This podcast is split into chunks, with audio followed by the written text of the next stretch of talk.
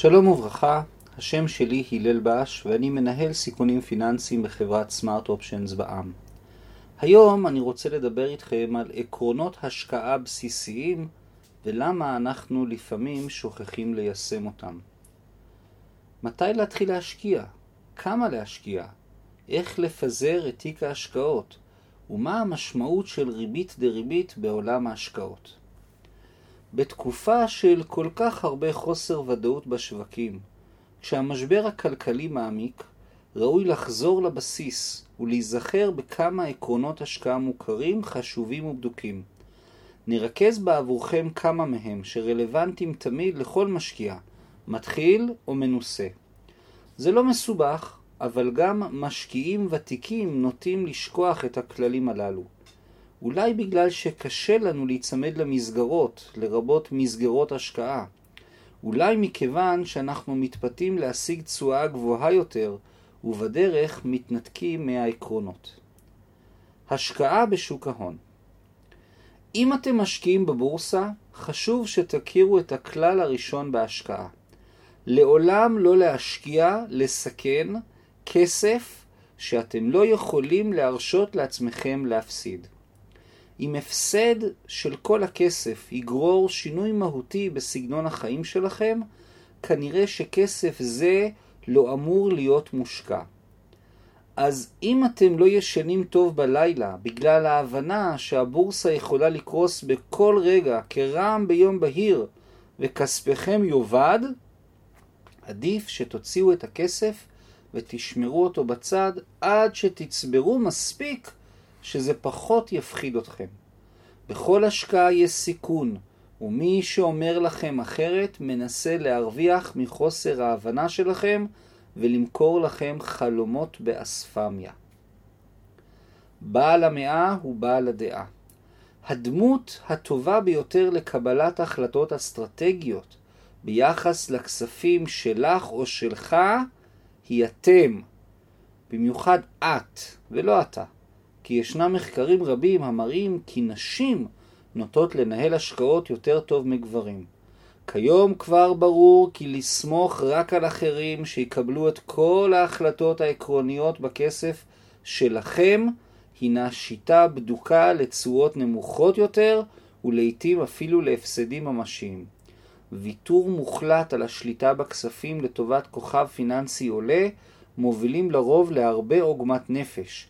בעל הכספים או בעלת הכספים צריכים לקחת את המושכות בידיים, להיעזר באנשי מקצוע אם צריך, אבל לקבל את ההחלטות הניהוליות המרכזיות הגדולות באופן בלעדי. קבלת ההחלטות גם תעזור להבין את המשמעות הישירה של ההחלטות, ויכולה לייצר דינמיקה חיובית של לימוד מטעויות העבר וחיזוק התנהלות פיננסית נבונה ונכונה לאורך זמן. להשקיע עם תוכנית, invest with a plan, ליצור מסמך מדיניות השקעה מסודר, שמבצע הקצאת נכסים אסטרטגית הנגזרת מהתכונות האישיות של בעלי הכספים. הקצאת נכסים הינה מפת דרכים עקרונית, בו אנו מחליטים כמה מתיק ההשקעות להקצות למזומן, על כל צורה, על כל צרה שלא תבוא, למניות, לאגרות חוב, להשקעה מקומית בישראל, להשקעה בשווקי חוץ לארץ וכו'. הקצאת נכסים מקצועית הינה הפעולה הפיננסית החשובה ביותר שיש לבצע בתיק ההשקעות. והיא קובעת את עיקר התשואה והסיכון של התיק הכולל, הרבה יותר מבחירת ניירות ערך או מהניסיון העקר של תזמון שוק. לשם הדגמה יש משקיעים עם שנאת סיכון מרובה, עליהם אנחנו אומרים מוכנים לא להרוויח אך לא מוכנים להפסיד. ויש משקיעים עם פחות שנאת סיכון, הם מוכנים לקחת יותר סיכונים בתמורה לסיכוי המוגבר לרווח. יש משקיעים עם אופק זמן של שלוש שנים, ויש כאלה עם אופק זמן של עשר שנים, ויש כאלה עם אופק זמן של ארבעים שנה. יש משקיעים הנוטים יותר לרגש, ויש משקיעים הנוטים יותר להיגיון. מתוך הבנה מעמיקה של שילוב התכונות של המשקיע או של המשקיעים, ניתן ליצור תוכנית פעולה ייחודית ומתאימה להם. זה לא תמיד קל, כי הטבע האנושי מעדיף לעתים לעבוד בצורה פחות עקבית ופחות מסודרת, על סמך ניחושים וגחמות, אבל ההיסטוריה הכלכלית מראה בבירור כי מי שעובד עם תוכנית טובה ומותאמת לצרכים שלו, יגיע לתוצאות הטובות ביותר. תוכנית השקעה מסודרת בנויה כך שתעמוד גם במשברים כלכליים שתמיד מגיעים, ותוביל את תיק ההשקעות לתוצאות הרצויות גם נוכח העליות והירידות, היינו אותה מחזוריות צפויה של שוק ההון. לפזר סיכונים. הרעיון הינו פשטני ומוכר, לא לשים את כל הביצים בסלסלה אחת או בסל אחד. אין הצדקה להיחשף בצורה משמעותית לחברה בודדת או אפילו לענף מסוים.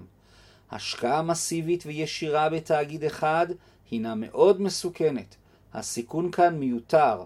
על ידי פיזור השקעות ניתן להקטין את הסיכון בצורה מאוד משמעותית, תוך הגבלה מתונה בתשואה. היחס המאוד לא סימטרי, הרבה פחות סיכון ומעט פחות תשואה, הופך את פיזור הנכסים לכלי השקעה מאוד רצוי. הדרך המומלצת לבצע פיזור טוב וזול הינו במסגרת קרנות מחקות וקרנות סל ETF פשוטות, המחקות מדדי שוק מרכזיים ומוכרים.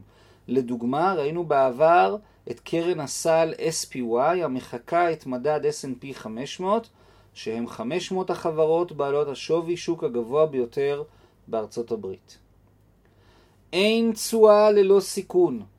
אי אפשר להרוויח ללא נטילת סיכונים. סיכון מוגדר כחוסר הוודאות שעלול להוביל להפסד. אם לא ניתן להפסיד בשום מצב, אז לא ניתן לצפות לרווח כלשהו מהמיזם או ההשקעה.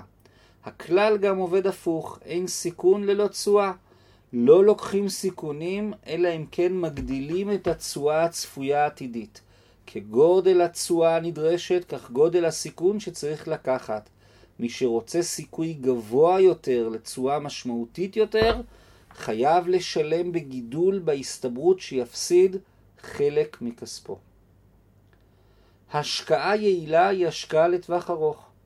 זה קצת נוגד את הנטייה האנושית לרצות לקבל הכל מיד ועכשיו, אבל השקעות לא עובדות בצורה שכזו. שוק ההון מאוד תנודתי בטווח הקצר, הוא מושפע בין השאר מהרבה מאוד פסיכולוגיה מורכבת ומהחלטות של משקיעים רבים ומגוונים. על כן ידוע ומבורר כי לא ניתן לתזמן את השוק לטווח הקצר.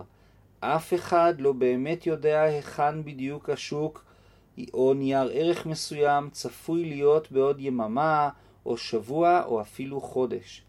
מי שטוען אחרת כנראה מנסה לשווק לכם קורס או פלטפורמת מסחר שמבטיחה רווח אדיר תוך זמן קצר, וכמובן הבטחות אלו לא יתממשו. השקעה הינה עניין אסטרטגי, שמטרתה הצטרפות למגמה החיובית של שוק ההון לטווח ארוך. לדוגמה, בדיקה מהירה של מדד S&P 500 הנזכר מראה כי הוא הציג תשואה שנתית ממוצעת של קצת פחות מ-10% ב-90 השנים האחרונות. ידע זה כוח. כל מי שעוסק בניהול השקיעותיו חייב לנסות ולהבין, לבדוק ולחפש מקורות מידע טובים ומקצועיים. רובנו קצת עצלנים ומעדיפים לתת לאחרים לעשות את מלאכת הלימוד, הבחינה וההחלטה. אבל מי שרוצה להצליח בעולם ההשקעות המורכב ולהגיע ליעדים ולמאוויים שבעבורם הוא חוסך את כספו, חייב להיכנס לעובי הקורה ולהבין על מה מדברים. כיוון שבעלי הכספים צריכים לקבל את ההחלטות העקרוניות והגדולות, בעל המאה הוא בעל הדעה, ראוי שיבינו על מה מדובר לפחות ברמה האסטרטגית. זה לא מסובך כמו שזה נשמע. בעבר הלא רחוק זה היה הרבה יותר מאתגר.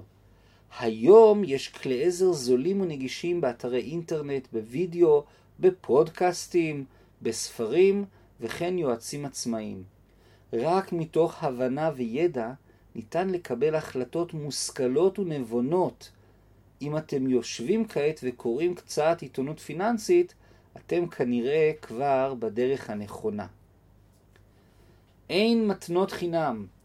ישנה אמירה מקובלת באנגלית If it sounds too good to be true, it usually is.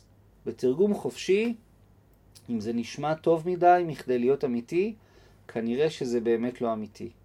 משקיע נבון ייזהר מאוד מכל מיני הבטחות לתשואה של אנשי שיווק חלקלקים שאוהבים להשתמש במושגים גדולים ומרשימים כמו השקעות אלטרנטיביות. אותם סקרנו בפרק הקודם. ריבית דריבית, הפלא השמיני. בגלל האופי של השקעות והיכולת להרוויח גם על הקרן וגם על התשואה הצבורה, שווה להתחיל להשקיע בגיל צעיר. מי שיתחיל להשקיע בגיל 20, מי שיתחיל להשקיע בגיל 20, סכום יחסית נמוך של 100 שקל לחודש, צפוי לצבור עד גיל הפרישה כמיליון שקל בהשקעה במדד שוק מרכזי כמו S&P 500 לפי התשואה השנתית הממוצעת. ריבית דריבית אבל צריכה זמן, ולכן אל תחכו, התחילו לחסוך ולהשקיע כמה שיותר מוקדם. עמלות דווקא בגלל הפלא השמיני של ריבית דריבית לפי איינשטיין, כל חלקיק האחוז משפיע בצורה מאוד משמעותית על התשואה הכוללת של תיק ההשקעות.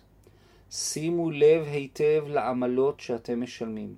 בכל סוגי ההשקעות, תיק מנוהל, תיק פרטי, פנסיה, גמל, השתלמות וכו', יש משמעות רבה לעמלות.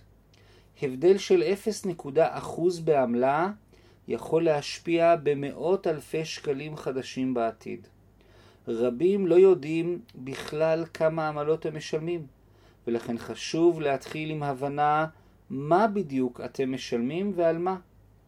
השלב הבא הוא לברר האם ניתן להוזיל עלויות על ידי מעבר למסגרת אחרת. משם העסק יתחיל להתגלגל, ועד מהרה כנראה תמצאו את עצמכם בשיחה נעימה עם מחלקת שימור לקוחות, שיעשו הכל על מנת לשמור אתכם מרוצים ואצלם. זה לא כל כך מסובך, רק דורש הבנה, בדיקה והחלטה. לסיכום, ניהול השקעות מתחיל בכך שאתם לא מסכנים מרכיב מהותי מההון שלכם, ושאתם מקבלים בעצמכם את ההחלטות האסטרטגיות מתוך ידע והבנה. התהליך כולל גיבוש תוכנית פעולה מסודרת המותאמת למאפיינים ולצרכים שלכם, וקביעת הקצאת נכסים אסטרטגית מתוך הבנה שראוי לפזר סיכונים ולהשקיע בעיקר במסגרת מדדי שוק מרכזיים על ידי קרנות סל זולות ויעילות. אתם משקיעים לטווח ארוך ומבינים כי ככל שתידרשו להיחשף לאפשרות של תשואה גבוהה יותר, תידרשו גם להיחשף לסיכון של הפסד משמעותי יותר. התחילו מוקדם בחיים ככל שניתן. היזהרו ממוכרי חלומות, ושימו לב לעמלות שאתם משלמים. השקעה בצורה נכונה דורשת בעיקר עבודה עקבית ומסודרת, הבנה טובה בסוגיות האסטרטגיות ולקיחת אחריות אישית על העתיד הפיננסי שלכם. אני הלל בש, ואני מאוד מאוד מודה לכם על ההקשבה. נתראה בפרק הבא. תודה רבה.